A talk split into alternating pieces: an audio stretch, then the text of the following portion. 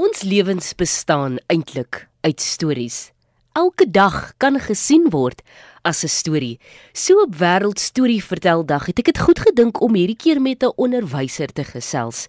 Spesifiek 'n onderwyser wat nog steeds boeke en stories voorlees in die klas Aletta de Klerk is een van daardie onderwysers, graad 12 eerste addisionele taalonderwyseres by General Smuts High School in Vereniging.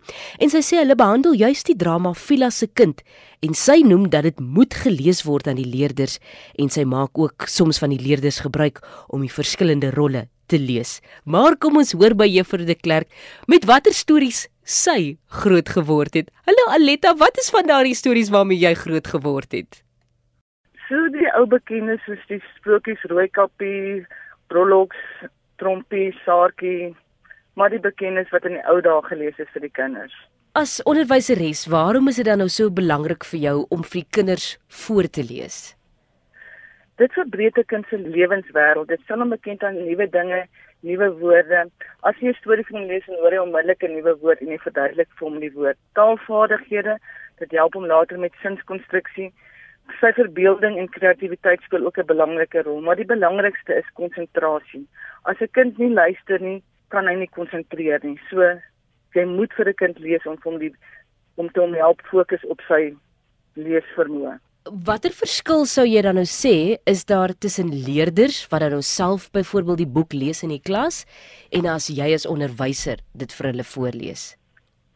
Die verskil is gewoonlik leesonderwysers maar vir kinders is die basis. So hulle is so gewoond aan 'n wyse wat voor staan en 'n boek vat en lees. Maar sodra jy vir 'n leerder 'n boek gee, is dit sy eie lewe, is dit sy eie kind, sy eie portuier. So hy word deel van hy in leefwêreld. Hy lag saam met die kinders, hy luister vir die kinders, hy gesels met hulle. So dis onmiddellik 'n ander ander bron wat jy gebruik om die kind te help om te konsentreer. Hmm.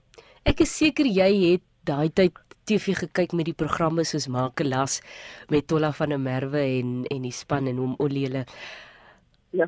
En ons is ons hou van stories. Ons hou daarvan om na iemand te luister wat 'n storie vertel. Nou, hoekom sou jy sê is die volk so lief daarvoor om te luister na stories? Wat maak storie vertel vir ons so lekker as 'n volk? Die belangrikste is ek dink dit gee vir jou meer kennis oor jou verlede. Dit bou jou kultuur en vandag jou toekoms, hoe jy die toekoms moet benader. Dit help jou om probleme te verstaan, dit gee vir jou beter begrip oor probleme en jy kan dit in 'n probleemoplossingsbenaderings benader. Ek gaan nou vir jou vra in die geleentheid eintlik gee as onderwyser, wat is jou boodskap aan ouers so op wêreld storie verteldag? Ek wonder of ouers besef dat alles oor lees gaan. As jy op 'n selfoon kyk, moet jy kan lees. As jy 'n rekenaar kyk, as jy in 'n restaurant sit, moet jy spyskaart kan lees.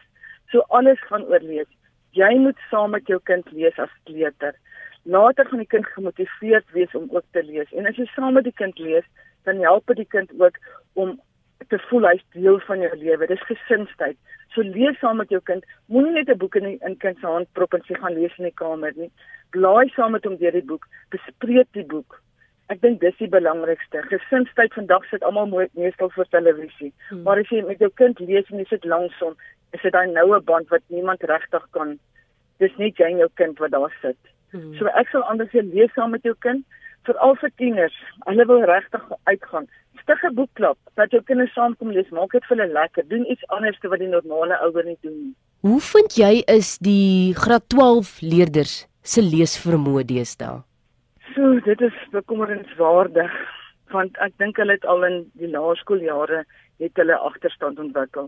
So hulle is so blootgestel aan tegnologie van televisie. So ek dink nie dit is regtig op standaard nie vir al die eerste addisionele taallede.